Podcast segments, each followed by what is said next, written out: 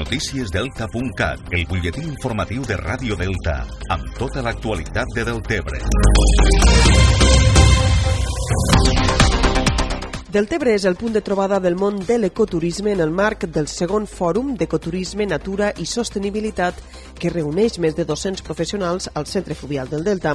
Enguany, el fòrum es centra en la desestacionalització del sector. És una crònica de Víctor Montecino.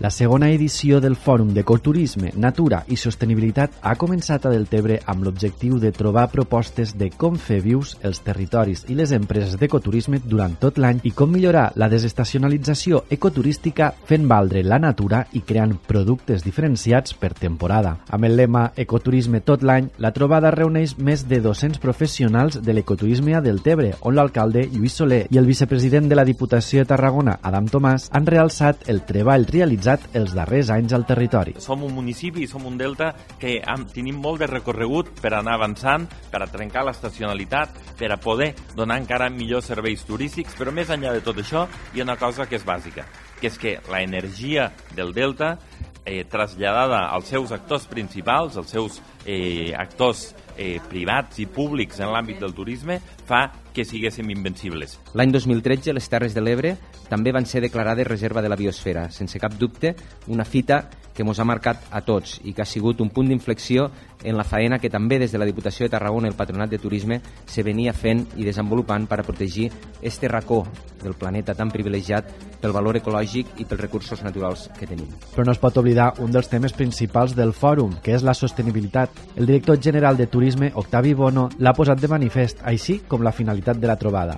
Tenim l'oportunitat de compartir reflexions, de fer-ho des d'aproximacions, des de l'experiència, amb taules rodones que ens acosten a bones pràctiques, amb tallers que persegueixen l'aplicabilitat a cadascuna de les nostres realitats i amb les aportacions d'alguns eh, dels actors de més reconeixement en aquesta matèria. Deltebre i les Terres de l'Ebre són, així, el punt de trobada del món de l'ecoturisme de la mà d'esta cita bienal que compta amb la col·laboració directa de l'Ajuntament de Deltebre.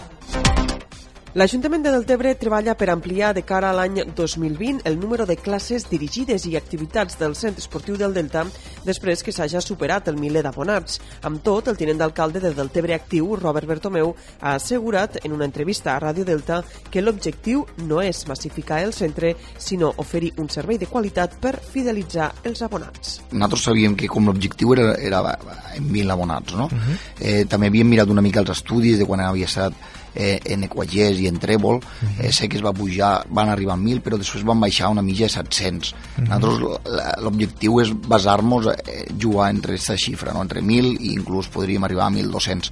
Però també som conscients de que el centre és, és el que és, no?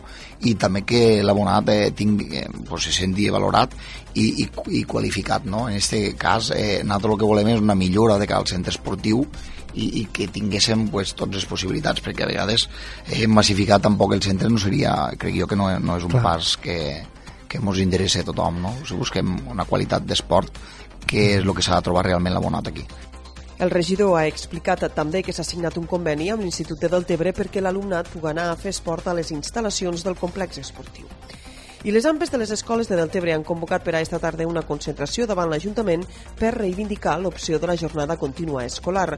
L'acte convocat a tot Catalunya per la plataforma Jornada Contínua pretén al llarg d'este curs realitzar diverses mobilitzacions per reivindicar el dret a escollir la jornada escolar.